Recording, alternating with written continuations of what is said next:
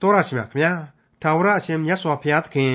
သားတော်ကယ်တင်ရှင်သခင်ယေရှုခရစ်တော်တို့ကနေအခြေတည်ခဲ့တဲ့ခရိယန်ဘာသာဟာအရှိလေပိုင်းဒေသဂျူးလူမျိုးတွေကနေပြီးစတင်ခဲ့တာကြောင့်ဂျူးလူမျိုးတွေအတွက်သာလျှင်တက်တက်ဖြစ်တဲ့ဘာသာလားတပားမျိုးသားလို့ဂျူးလူမျိုးတွေကခေါ်ကြတဲ့ကျွန်တော်တို့လူလူမျိုးသားတွေနဲ့ဘာမှမဆိုင်ဘာမှမပတ်သက်ဘူးတဲ့လားဖျားရှင်ရွေးကောက်တော်မူသောဂျူးလူမျိုးတွေနဲ့ တပားအမျိုးသားဖြစ်ကြတဲ့လူမျိုးသားတွေကြားခွဲခြားထားတဲ့အိုတတိုင်းကို ဖြိုချဖျက်ဆီးပစ်ခဲ့ပြီးလူနစုအကြားရန်ငင်းချင်းတရားကိုဟောကြားခဲ့သူဟာလူမျိုးကြားမဟုတ်ဘဲကယ်တင်ရှင်သခင်ယေရှုခရစ်တော်ဖြစ်ပါတယ်။အဲ့ဒီအကြောင်းဖော်ပြထားတဲ့ခရိယန်တမန်ကျမ်းဓမ္မသစ်ကျမ်းပိုင်းတွေကအေဖက်ဩဝါဒစာအခန်းကြီး2အခန်းငယ်7ကနေအခန်းငယ်18အထိကိုဒီကနေ့တင်ပြရသောတမန်ကျမ်းအစီအစဉ်မှာလေ့လာမှာဖြစ်ပါတယ်။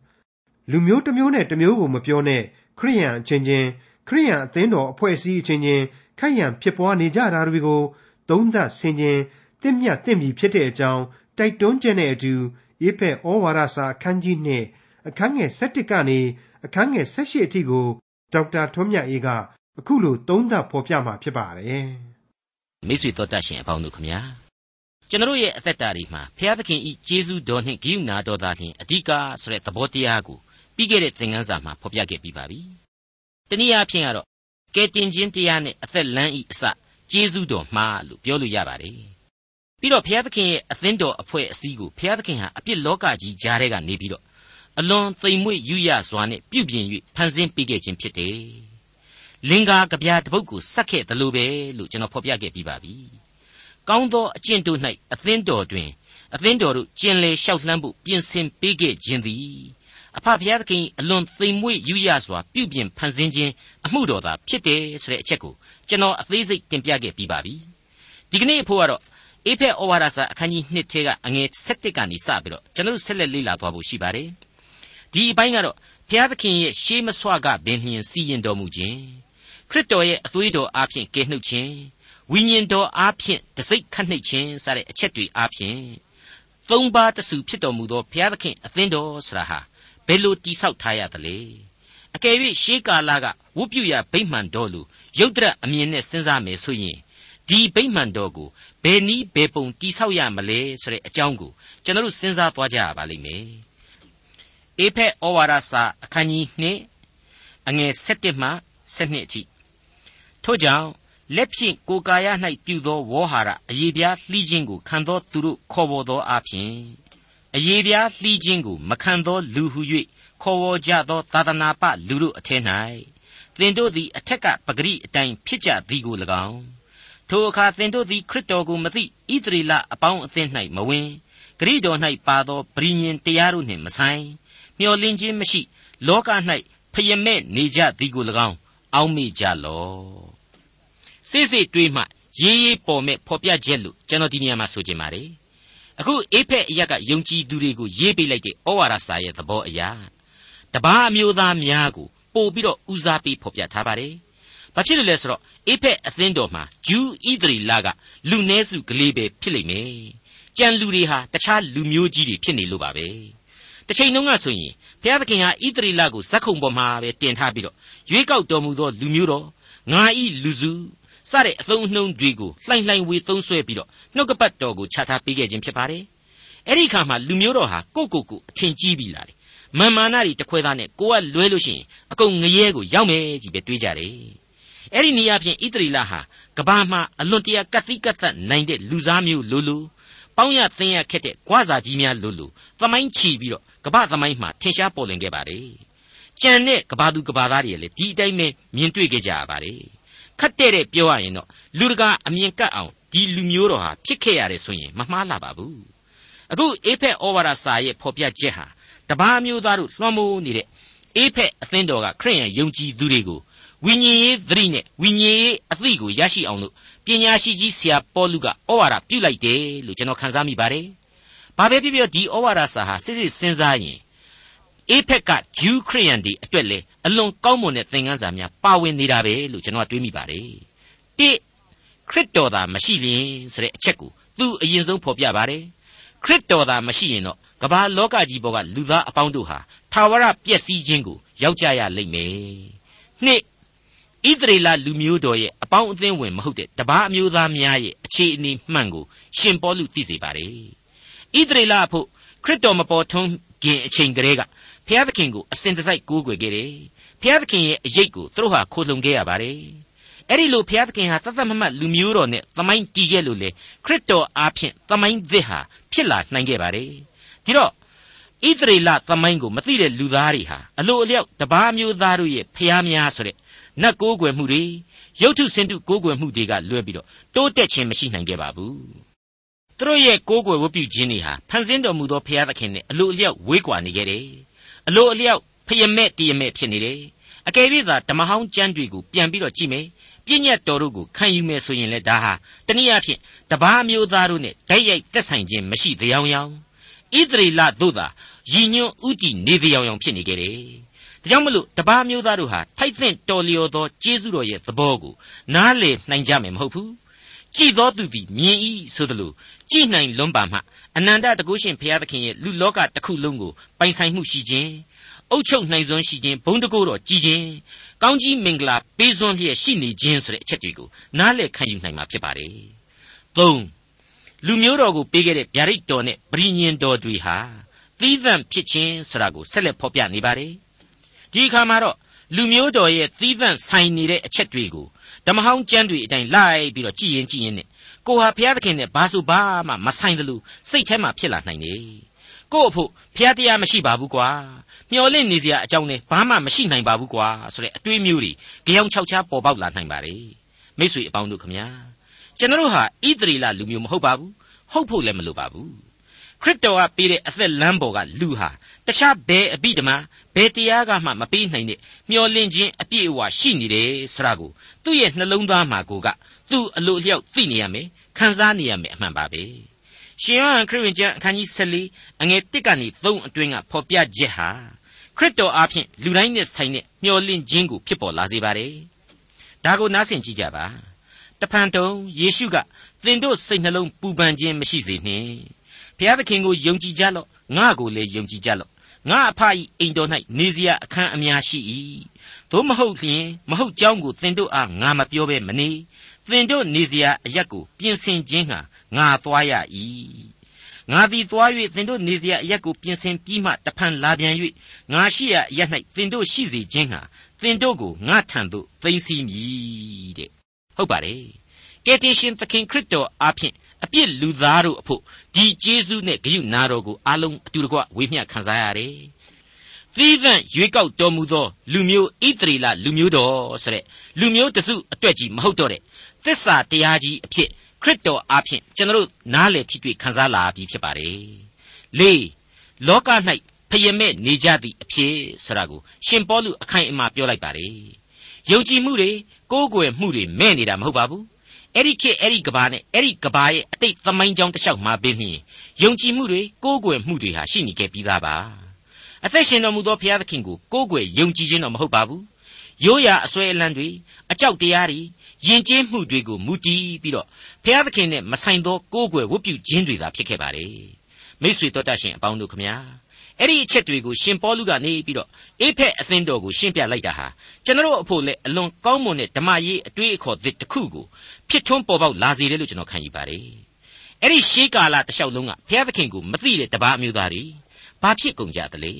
အကုန်လုံးကယ်တင်ခြင်းမခံရတော့ဘဲနဲ့အကုန်ငရဲကိုဇောက်ထိုးကြကုန်ကြသလား စက်တိုက်စဉ်းစားစရာအချက်တွေဟာပဟေလိတွေအဖြစ်ဝိုင်းဝိုင်းလေပေါ်ထွက်နေပါလေစဉ်းစားနိုင်ပါလေတွေးခေါ်မျှော်မြင်နိုင်ပါလေဒါပေမဲ့ဆုံးဖြတ်ပိုင်ခွင့်အရှင်းမရှိဘူးလို့ကျွန်တော်ဒီနေရာမှာပြက်ပြက်သားသားဆိုချင်ပါတယ်ဆုံးဖြတ်ပိုင်ခွင့်ရှိသူဟာဘုရားသခင်တပါးကြီးသာလျှင်ဖြစ်တော်မူတယ်ဆိုတာကိုကျွန်တော်တို့လေးနဲ့ပြတ်သားစွာခံယူထားပါတယ်သူ့ကိုယ်သာကိုးကွယ်ရမယ်သူပေးတဲ့ပြည့်ညက်တော်တွေကိုလိုက်နာရမယ်ဆိုတာကိုဣသရေလသမိုင်းအားဖြင့်ကျွန်တော်တို့အခိုင်အမာနားလည်ရပါတယ် အဲ့ဒီလိုနားလည်မှုဟာလေကယ်တင်ခြင်းတရားကိုခရစ်တော်အားဖြင့်ယုံကြည်လာတဲ့အခါမှာပို့ပြီးတော့အစင်းမြင့်တဲ့ဝိညာဉ်ရေးခွန်အားကိုတက်လန်းရယူဖို့အထိအကျိုးရှိလာရပါတော့တယ်အဲ့ဒီလိုဘုရားသခင်ကိုထိတွေ့နားလည်ရခြင်းမရှိတဲ့အချိန်မှာတပားမျိုးသားတို့ဟာကိုယ်သမိုင်းမှာကိုယ့်အကိုဘယ်လိုရေးထိုးမှတ်ကြောက်တင်ခဲ့ကြသလဲဘယ်လိုဖျားတရားယုံကြည်မှုတွေကိုပြုခဲ့ကြသလဲဆိုတာကိုသမိုင်းပညာရှင်ကြီးတွေကလွဲလို့သာမန်ကျွန်တော်တို့သိပြီးတော့အသေးစိတ်မသိနိုင်ပါဘူး ဘာပဲဖြစ်ကျွန်တော်တို့အတွက်စဉ်းစားရန်အချက်တွေဟာဓမ္မဟောင်းကာလရဲ့ကြမ်းတွေကသင်ခန်းစာတွေနဲ့ဘင်းမြင်လုံလောက်ချင်းရှိလိမ့်မယ်လို့ကျွန်တော်လေးနဲ့စွာခံယူမိပါတယ်။ကကြီးလူကိုဘုရားသခင်ဖန်ဆင်းတယ်လိုအပ်ရင်ဖျက်ဆီးပြစ်နိုင်တယ်။ခါခွေလူကိုလူကဘာအနှံ့ဖြန့်ကျက်ပြစ်ခဲ့တယ်။ဘာသာစကားနဲ့ယဉ်ကျေးမှုအမျိုးမျိုးပြန့်နှံ့ပေါ်ပေါက်စေခဲ့တယ်။ဒါငယ်လူမျိုးတော်ကိုဘုရားသခင်ရွေးကောက်တော်မူခဲ့တယ်။ အဲ့ဒီလူမျိုးတော်အဖြစ်လူမျိုးတကာတို့ကိုကောင်းကြီးပေးမယ်ဆိုတဲ့ဂတိတော်ကိုလည်းအခိုင်အခန့်ချခဲ့ပြီးသားဖြစ်တယ်။ဂါကြီးအပြစ်ဆိုတာကိုဘုရားသခင်ဟာဣသရေလအပအဝင်ဘယ်လူမျိုးနဲ့ပတ်သက်လို့မှမကြိုက်ဘူးလက်မခံဘူးငါအဲ့ဒီလို तू မကြိုက်တဲ့အပြစ်တရားအတိုင်းသာဆိုရင်ဣသရေလကြီးမဟုတ်ဘူးသူ့ဖန်ဆင်းကံဘယ်လူတော်ဝါမှအပြစ်ငရဲကနေမလွတ်နိုင်မှန်းကို तू သိတယ် ဒါကြောင့်မလို့ကယ်တင်ရှင်ကျေးဇူးတော်နဲ့ကယ်တင်ရှင်သခင်ခရစ်တော်ကိုလောကမြေပြင်ကိုလူစားတိခံယူပြီးတော့အသက်အသေးခံကယ်တင်ရှင်ကျေးဇူးကိုပြုဖို့ဆိုပြီးတော့သူစေလွတ်မယ်ဆရာကိုသူဟာကဘာဦးကျမ်းမှာကလေးကအလွန်အရေးကြီးတဲ့ဗျာဒိတ်များကိုသူ့နီးသူ့ဟန်နဲ့လူရွာကိုဖော်ပြခဲ့ပြီးဖြစ်တယ်။စလုံး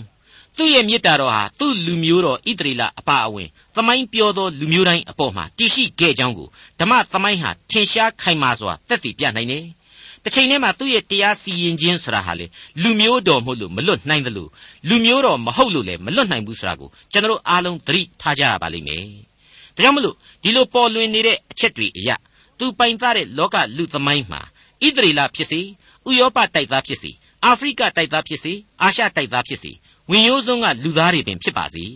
ကျွန်တော်မတွေးဆမကြံစီနိုင်တဲ့ကောင်းကြီးမင်္ဂလာများတော့ခံကိုခံစားကြရလိမ့်မယ်လို့ကျွန်တော်လေးနဲ့စွာခံယူမိပါတယ်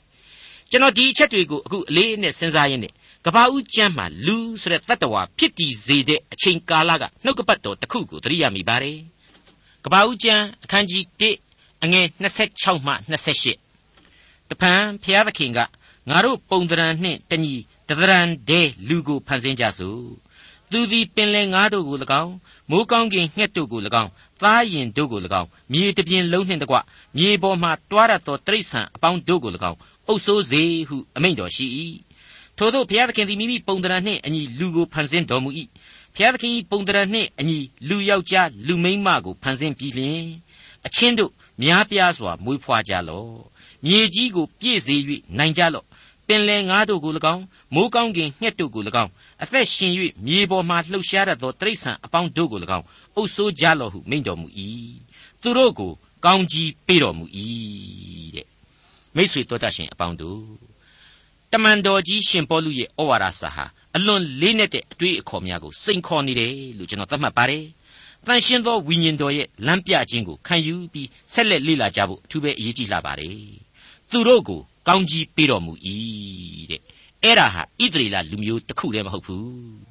သူဖန်ဆင်းတော်မူသောလူသားအလုံးကိုဆိုလိုက်ခြင်းပဲအေဖက်ဩဝါဒစာအခန်းကြီး2အငယ်73ကိုဆက်လက်နားဆင်ကြကြပါ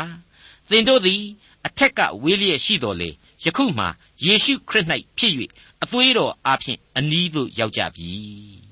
အလွယ်ကူဆုံးစဉ်းစားလိုက်မယ်ဆိုရင်တော့ဗိမာန်တော်မှာတပါးမျိုးသားတွေအတွက်သီးသန့်နေရာဂျူးလူမျိုးတို့သာထိုင်ရမယ့်သီးသန့်နေရာဆိုပြီးတော့ရှိခဲ့တယ်အခုတော့ဘာဆိုဘာမှခွဲခြားเสียမလိုတော့ဘူးဆိုတဲ့အဓိပ္ပာယ်ပေါ့ဒါပေမဲ့အထက်ကကျွန်တော်တို့ဆိုခဲ့တဲ့အတိုင်းပဲနော်ရွေးကောက်တော်မူသောလူမျိုးတော်ကိုကြည့်ဘုရားသခင်ကဖန်ဆင်းတာမဟုတ်ဘူး လူကိုသူအားလုံးဖန်ဆင်းထားတာဒီလူသားမှန်သမျှဟာသူနဲ့ဆိုင်နေဆာလံဆရာကိုယ်တိုင်ကပြက်ပြက်သားသားပြောခဲ့ပြီးပြီလေထာဝရဘုရားသည်မြေကြီးနှင့်မြေကြီးတစားကို၎င်းလောကရနှင့်လောကသားတို့ကို၎င်းပိုင်တော်မူ၏တဲ့ရှင်းနေတာပဲမဟုတ်ဘူးလားပြီးတော့ရှိပါသေးတယ်ထာဝရဘုရားအားအသစ်သောတည်ခြင်းကိုဆိုကြလော့မြေကြီးသားအပေါင်းတို့ထာဝရဘုရားအားတည်ခြင်းဆိုကြလော့ထာဝရဘုရားအားတည်ခြင်းဆို၍နာမတော်ကိုကောင်းကြီးပေးကြလော့ ကဲတင်တော်မူခြင်းတရားကိုတနေ့တည်းတနေ့ညွှန်ကြားကြလော့တဲ့လူတွေအချင်းချင်းကွဲပြားခြားနားမှုတွေဟာဘုရားသခင်ကိုဝတ်ပြုရမှာတော့အကုန်လုံးချုပ်ငိမ့်ကွယ်ပြောက်သွားရပြီမဟုတ်ဘူးလားဘုရားသခင်အားအသစ်သောတည်ခြင်းကိုဆိုကြဆရာဟာပြည့်ညတ်တော်ရဲ့အနှောင်အဖွဲ့တွေကနေပြီးတော့ခရစ်တော်ရဲ့ကျေးဇူးနဲ့ဂရုနာတော်ပေါ်မှာတည်မီတဲ့ကယ်တင်ခြင်းတရားသစ်ကိုရည်ညွှန်းလိုက်တာပဲလို့ကျွန်တော်အတိတ်ပဲဖွင့်ဆိုခဲ့ပါတယ်အခု ဒီအသစ်သောတည်ခြင်းဆရာဟာလူမျိုးတိုင်းလူမျိုးတိုင်းဆိုကြရမယ်တည်ခြင်းဆရာဟာရှင်းသွားပြီအေဖက်ဩဝါဒစာအခန်းကြီး2အငယ်14မှ18အဘယ်သို့နည်းဟုမူကားထိုသခင်သည်ငါတို့၏ယဉ်ငိမ့်ခြင်းအကြောင်းဖြစ်တော်မူ၏ဝီနီးအထုံးအဖွဲ့နှင့်ဆက်ဆိုင်သောပြည့်ညတ်တရားဒီဟုသောရန်ညှိုးဖွဲ့ခြင်း၏အကြောင်းကိုကိုခန္ဓာတော်တွင်ပယ်ရှင်းတော်မူသဖြင့်ပိုင်းခြားလျက်ရှိသောစัจ जा အုတ်တိုင်းနယံကိုဖြိုဖျက်၍ ဤလူမျိုးနှစ်စုတို့ကိုတစုတည်းဖြစ်စေတော်မူ၏အကြောင်းမူကားရန်ကိုငြိမ့်စေပြီးလျှင်ကိုတော်၌ထိုလူနှစ်စုတို့ကိုလူသစ်တူတကိုယ်ကြီးဖြစ်စေခြင်းဟာပြင်ဆင်၍တလုံးတဝဒီဖြစ်ပြီးသောထိုလူနှစ်စုတို့ကိုလက်ဝါးကတိုင်တော်အားဖြင့်ရန်ကိုတပ်ဖြတ်လျက်ဘုရားသခင်နှင့်မိသဟာယဖွဲ့စီမည်အကြောင်းဒီထိုခရစ်တော်သည်လည်းကြွလာ၍ဝေးလျက်ရှိသောသင်တို့အား၎င်းနီးလျက်ရှိသောငါတို့အား၎င်း ယဉ်ငင်းခြင်းတရားဒီဟုသောဧဝံဂေလိတရားကိုဟောတော်မူ၏ဣသရေလလူမျိုးတော်ကိုသူရွေးကောက်တယ်အခုယုံကြည်သူတွေကိုလည်းသူရွေးကောက်ထားတာပဲဒီတော့ဂျူးယုံကြည်သူတပားမျိုးသားယုံကြည်သူဆိုပြီးတော့ဘာမှကွဲပြားခြားနားနေစရာအကြောင်းမရှိတော့ဘူးဆိုပြီးတော့ဒီကျမ်းပိုင်းဟာရှင်းလင်းဖော်ပြလိုက်တာပါ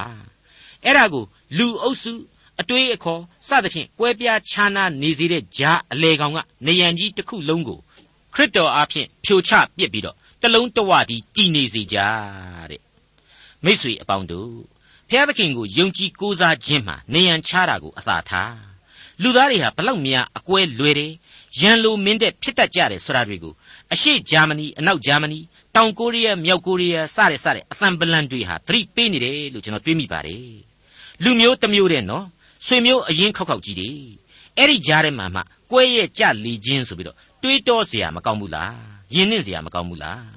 စောစောကကျွန်တော်ဆိုပြခဲ့တဲ့အတိုင်းပဲအသစ်တော်ကယ်တင်ခြင်းတရားအတွက်ကျေးဇူးတော်ချီးမွမ်းသံကိုလူမျိုးများအားလုံးဟာခရစ်တော်အားဖြင့်တလုံးတဝတီသီးဆိုးနိုင်ရင်ဘလောက်ကောင်းမလဲလို့ကျွန်တော်စဉ်းစားမိပါတယ်ဖြစ်နိုင်ပါသလားဇာတိပဂရိလူသားများဟာကိုယ့်ရဲ့ဇာတိပဂရိဆန္ဒဇောတွေကိုအစွဲကပ်နေသည်ကာလပတ်လုံးဘယ်တော့မှမဖြစ်နိုင်ဘူးလို့တစ်ဖက်ကဖြေချင်ပါတယ်တစ်ချိန်တည်းမှာ invisible church လို့ကျွန်တော်ပြောပြောနေတဲ့ဘုရားသခင်ရဲ့ရွေးကောက်တော်မူခြင်းကိုခံရသူတို့အဖို့ဘုရားသခင်ကြည့်ရှုတော်မူသောရုပ်ဒရက်နဲ့မမြင်ရတဲ့အသင်းတော်ကိုပါဝင်လိုသူတို့အဖို့ကတော့ဘာဆိုဘာမှမဖြစ်နိုင်စရာအကြောင်းမရှိဘူး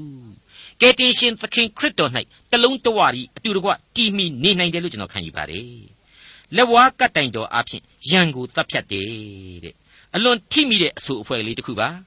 ခရစ်တော်ကိုတပ်ဖြတ်ခြင်းကိုခရစ်တော်ခန္ဓာဟာဘာကြောင့်လဲကယ်တင်ခြင်းတရားရဲ့အသစ်သောတည်ခြင်းအတွက်ပါပဲဒီအသစ်သောတည်ခြင်းကိုယုံကြည်သူလူသားတိုင်းဟာတလုံးတဝရီဆိုနိုင်ဖို့အတွက်ပဲဖြစ်ပါတယ်တနည်းအားဖြင့်ကတော့ဝိညာဏအသင်းတော်ကိုတည်စေဖို့ပဲကျွန်တော်ဖော်ပြခဲ့တဲ့အတိုင်းပဲလူသားရဲ့ရုပ်တရက်မျက်စိနဲ့မမြင်ရဘူးဘုရားသခင်ရဲ့ဝိညာဏအသင်းတော်ပဲဖြစ်ပါတယ်လူသစ်တူးနှင့်တကိုယ်ဒီဖြစ်စေခြင်းဟာတဲ့ဟုတ်ပါတယ် လူတယောက်တည်းဖြစ်သွားတယ်ဆိုတဲ့သဘော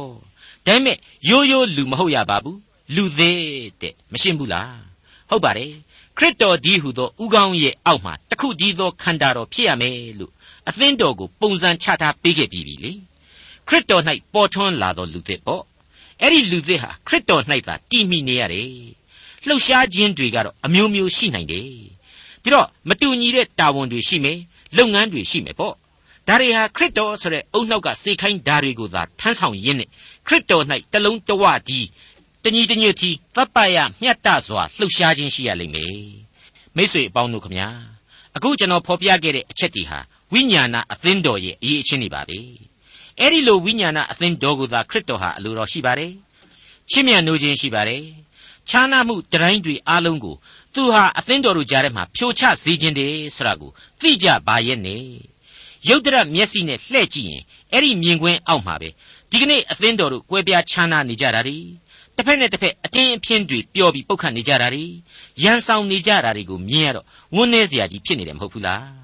တခါတလေများကျေးဇူးတော်ချီးမွမ်းခြင်းတဲ့လူကကျေးဇူးတော်ချီးမွမ်းမဲ့အရေးမှတောင်မှစိတ်လွတ်ကိုယ်လွတ်မရှိနိုင်ရှာဘူးဟိုဆရာကိုခေါ်ရင်တော့ဟိုဘက်ကဆရာကိုခေါ်လို့ဖြစ်ပါမလားသူတို့နှစ်ယောက်ကတဲ့ကြတာမဟုတ်ဘူးဆိုပြီးတော့တွေးကြခေါ်ကြရွေးကြရတာရှိသေးတယ် ရည်စရာကြီးတွေဖြစ်နေပြီပေါ့ဘုန်းကြီးအချင်းချင်းတောင်မတည့်ဘူးရေလို့ရှိသေးတယ်နော်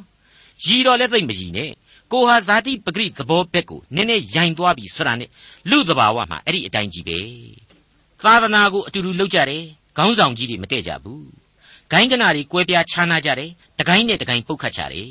ဒါတွေဟာကျွန်တော်တို့ပတ်ဝန်းကျင်မှာအစဉ်စိုက်ကြားနေရပါတယ်မိษွေတော်တတ်ရှင်အပေါင်းတို့ခမညာခရစ်တော်ဒါကိုမနှစ်မြို့ပါဘူး ခရစ်တော်ရဲ့အသေးခံတော်မူခြင်းဟာအဲ့ဒီတိုင်းကြီးတွေကိုဖြိုပစ်ဖို့တဲ့အခုအေဖက်ဩဝါဒစာကသင်ပေးလိုက်ပြီဖျားသခင်စီကိုသူ့အားဖြင့်လူသားတိုင်းတိုးဝင်ချင်းကပ်ဖို့ဆိုတာကိုယေရုရှလင်ဗိမာန်တော်ကကလကာကြီးကွဲထွက်သွားခြင်းအပြင်သူအသက်ဆွန့်လိုက်တာနဲ့တပြိုင်နက်တည်းပဲသူနမိတ်ပြခဲ့ပြီးပြီမဟုတ်ဘူးလားရှင်မသက်ခရစ်ဝင်ကျမ်းအခန်းကြီး29အငယ်90ကနေ51မှာပြန်ပြီးတော့ကြည့်ကြပါ ယေရှုသည်ကြီးသောအသံနှင့်တဖန်ကြွေးကြော်ပြီးလျှင်အသက်တော်ကိုလွတ်တော်မူ၏ထိုအခါဗိမာန်တော်ဤကလကာသည်အထက်ဆွန်းမှအောက်ဆွန်းတိုင်အောင်စုပ်ကွဲလေ၏မြေကြီးလှုပ်လေ၏ကြောက်များတို့သည်ကွဲပြားကြ၏တဲ့ဘလောက်အံ့ဩဖို့ကောင်းလေကျွန်တော်တို့အခုကြားရတဲ့အတိုင်းပဲပေါ့အသက်ထွက်တာမဟုတ်ဘူးသူ့အသက်ကိုသူလွတ်တာအသက်တော်ကိုလွတ်တော်မူ၏တဲ့မရှင်းဘူးလားဘသူတွေအသက်ရှင်ဖို့အတွက်အခုလိုသူ့ရဲ့အသက်တော်ကိုလွတ်တာလေ ကျွန်တော်မိษွေတို့အသက်ရှင်ဖို့ပဲဗိမာန်တော်ကလကားဆိုတာဟာအဲ့ဒီခေတ်ကယေဘရဟိတ်မင်းကြီးကလွဲပြီးတော့ဘသူမှမဝင်နိုင်အောင်ကာထားရတဲ့ဘုရားသခင်ကျင်းဝတ်ရာအရက်ကိုကာယံထားတဲ့ကလကားကြီးအဲ့ဒီခေတ်ကဟေရုဘုရင်အဆက်ဆက်ဆောက်ခဲ့တဲ့ဗိမာန်တော်ကြီးဆိုတော့ဘလောက်များကြီးမားထွားကြိုင်းမဲ့ဗိမာန်တော်ကြီးလဲဆိုတာစဉ်းစားတာကြည့်ကြပြီတော့အဲ့ဒီတော့ဒီလောက်ကြီးမားတဲ့ဗိမာန်တော်ကြီးရဲ့ထိပ်ဖျားမှာရှိတဲ့ဒီကလကားကြီးဆိုတာဟာလေအေယာမကလကားကြီးပဲဖြစ်ရလိမ့်မယ် ကျမ်းစာကိုသေချာဖတ်တော့ကွဲတာကလည်းရိုးရိုးမဟုတ်ပြန်ဘူးအပေါ်ကနေအောက်ဆုံးကိုကွဲထွက်တာတဲ့မဆမ်းဘူးလားဒီကလကားကြီးကိုကြိုးရန်အတိုင်းဒုက္ခခံတက်ပြီးတော့ဘသူမှသွားပြီးတော့ကိုယ်ဒုက္ခကိုရှာပြီးခွဲတာလည်းမဖြစ်နိုင်ဘူးအပေါ်ဆုံးကနေအောက်ဆုံးကိုကွဲတယ်ဆိုထားတယ်လေဒီတော့ဒါဟာဘုရားသခင်ပြတော်မူသောတကုန်းနမိတ်ပဲဟုတ်ပါတယ်ကောင်းကင်နိုင်ငံတော်မှမြေလောကသို့ချထားပေးလိုက်သောကောင်းကြီးမင်္ဂလာရဲ့အတိတ်နမိတ် လူသားတိုင်းဟာကယ်တင်ရှင်သခင်ခရစ်တော်အားဖြင့်ကယ်တင်ခြင်းကျေးဇူးကိုခံစားရရှိနိုင်တယ်ဘုရားသခင်ရဲ့သားသမီးများအခွင့်အရေးကိုရရှိနိုင်တယ်။ကောင်းကင်အမွေကိုခံယူခွင့်ရှိတယ်။ထာဝရအသက်လမ်းကိုတက်လှမ်းနိုင်ခွင့်ရှိတယ်။တနည်းအားဖြင့်ဘုရားသခင်ရှေ့တော်မှောက်ကိုရောက်ကိုရောက်နိုင်ခွင့်ရှိတယ်။ရောက်ကြရလိမ့်မယ်ဆိုတဲ့ဗြိညင်သစ်ကိုဖော်ပြလိုက်ခြင်းပါပဲ။မိတ်ဆွေတော်တတ်ရှင်အပေါင်းတို့ဒီဗြိညင်သစ်ဟာဣသရေလလူမျိုးတစ်မျိုးတည်းအတွက်မဟုတ်တော့ဘူး။ဥရောပတိုက်သားတစ်ခုတည်းအတွက်လည်းမဟုတ်တော့ဘူး။ ကဘာမှာရှိသမျှလူသားအလုံးအတွက်ပါ။ကျွန်တော်ဟာအဲ့ဒီခရစ်ဝင်သင်ခန်းစာတွေမှာတုန်းကဆိုရင်တခုထည့်ပြီးပြောခဲ့ဘူးပါသေးတယ်အဲ့ဒီလိုဗိမာန်တော်မှာကလကာကြီးဗျံငနဲ့ကွဲထွက်သွားတဲ့အချိန်မှာယေဘရဟိတ်တချို့နဲ့ပါရီရှဲတချို့အဲ့ဒီဗိမာန်တော်ထဲမှာရှိခဲ့ကြလိမ့်မယ်အကုန်လုံးအဲ့ဒီမြင်ကွင်းကြောင့်ကြက်သေးသေးကုန်ခဲ့ကြလိမ့်မယ်အံ့ဩသွားခဲ့ကြလိမ့်မယ်ဆိုတာဒီကိုကျွန်တော်ဖော်ပြခဲ့ပါတယ်အဲ့ဒါကြောင့်လေတမန်တော်ဝတ္ထုတဲမှာကြတော့ အဲ့ဒီတယူသံဘာသာရေးသမားတွေတဲကပါခရိယန်ဒီအဖြစ်ပြောင်းလဲကုန်ကြပြီဆိုတာကိုတွေ့ရခြင်းပဲလို့ကျွန်တော်ဖော်ပြရှင်းလင်းခဲ့ပါတယ်ရှင်ပေတရုတို့တရားစပြီးဟောလိုက်တာနဲ့ပဲတပတ်အတွင်းနှစ်ခါတရားဟောပြီးတဲ့အချိန်မှာလူပေါင်းအ ਨੇ ဆုံး8000တနည်းအားဖြင့်သောင်းကနန်းနီးနီးအထိခြီးပြီးတော့ခရစ်တော်ကိုယုံကြည်ခဲ့ကြတဲ့အထက်မှာပါရိရှဲတွေဂျူးတယူသီးခေါင်းဆောင်တွေဟာအများကြီးပါဝင်ခဲ့ကြမယ်ဆိုတာဟာရှင်းနေပါလေ ဒါကိုကျွန်တော်ခရစ်ဝင်ကျမ်းသင်ခန်းစာဒီကလေးကကျွန်တော်ဖော်ပြရှင်းလင်းခဲ့ပါတယ်တမန်တော်ဝတ္ထုသင်ခန်းစာတွေထဲမှာလည်းဖော်ပြခဲ့ပါတယ်မိတ်ဆွေတော်တတ်ရှင်အပေါင်းတို့ခမညာဘုရားသခင်ရဲ့ရှေးမဆွကပင်ခွဲကန့်မှတ်သားတော်မူခြင်းဆိုတဲ့နည်းနည်းသောအရာခရစ်တော်ဤအသွေးတော်အဖျင်ရွေးနှုတ်ခြင်းဆိုတဲ့ကျေးဇူးနဲ့ဂရုဏာတော်ဝိညာဉ်တော်အဖျင်တစိ့ခတ်နှိပ်ခြင်းခံရတယ်ဆိုတဲ့ကျွန်တော်ရဲ့အသင်းတော်တွေဟာကျွန်တော်ရဲ့လူသားမျက်စိအောက်မှာတော့တရွာတပုတ်ဆန်းယုံမကနှစ်ပုတ်ပဲဆန်းနေနေသုံးပုတ်ပဲဆန်းနေနေ ဝိညာဉ်ရေးအမြင်အရာသုံးပါးတစုဖြစ်တော်မူသောဘုရားသခင်ရဲ့တခုတည်းသောအသင်းတော်သားလျင်ဖြစ်ပါတယ်ခရစ်တော်ကြီးဟူသောဥကောင်းအောက်ကတခုတည်းသောကိုယ်ခန္ဓာတော်သာဖြစ်ပါတယ်လူသစ်လို့လေဒီနေရာမှာမြင်ရပါပြီအေဖက်ဩဝါဒစာအခန်းကြီး2အငယ်18ထို့သောခရစ်တော်အားဖြင့်ငါတို့နှစ်ဦးသည်စိတ်ဝိညာဉ်တလုံးတဝဒီဖြစ်၍ခမည်းတော်ထံသို့တိုးဝင်ရမည်အခွင့်ကိုရကြပြီမိษွေတော်တတ်ရှင်အပေါင်းတို့ခမညာ ခရစ်တော်၌တလုံးတဝဒီဖြစ်တဲ့အသင်းတော်ဟာလူသစ်အနေနဲ့တိုးဝင်ခြင်းဖြစ်တဲ့အတွက်ကြောင့်ရှေ့တော်မှောက်မှာယုံကြည်သူတို့ရဲ့အသစ်သောတည်ခြင်းကိုတူပြိုင်သီဆိုသံများနဲ့တိုးဝင်ရခြင်းဖြစ်ရလိမ့်မယ်။ကျက်တည်းမင်္ဂလာနဲ့ပြည့်စုံတဲ့အသင်းတော်ဖြစ်ကိုဖြစ်ရလိမ့်မယ်။အကယ်၍ခရစ်တော်ကိုဥကောင်းနေရာမှာမထားဘဲနဲ့အယူသီးမှုတွေအစွဲအလန်းကြီးတွေမာမာနတွေကိုသာရှေ့တန်းတင်နေကြမယ်ဆိုရင်တော့ရုတ်တရက်အသင်းတော်ပြီးပြီးအုံနောက်သွေးကြောကလေးပျက်စီးမှုကစလို့ လေဖြတ်နေတဲ့အသင်းတော်တပိုင်းသေးနေတဲ့အသင်းတော်ဆက်တောက်ဆက်တောက်နဲ့ဖြစ်နေတဲ့ဒီအသင်းတော်တို့ဟာရှေ့တော်ကိုမရောက်ဖက်နဲ့ကိုယ်တိုင်တောင်မသေးဘူးမနေကြိုးစားရင်းနဲ့အချိန်တွေလင့်ကုန်ကြရမှာအမှန်ပါပဲခင်ဗျာဒေါက်တာထွန်းမြတ်ရေးစီစဉ်တင်ဆက်တဲ့တင်ပြရသောတမချန်းအစီအစဉ်ဖြစ်ပါတယ်နောက်တစ်ချိန်အစီအစဉ်မှာခရိယန်တမချန်းဓမ္မသစ်ကျမ်းပိုင်းတွေကဧဖယ်ဩဝါဒစာအခန်းကြီး2အခန်းငယ်16ကနေအခန်းငယ်22အထိကိုလေ့လာမှာဖြစ်တဲ့အတွက် စောင့်မျှော်နားဆင်နိုင်ပါတယ်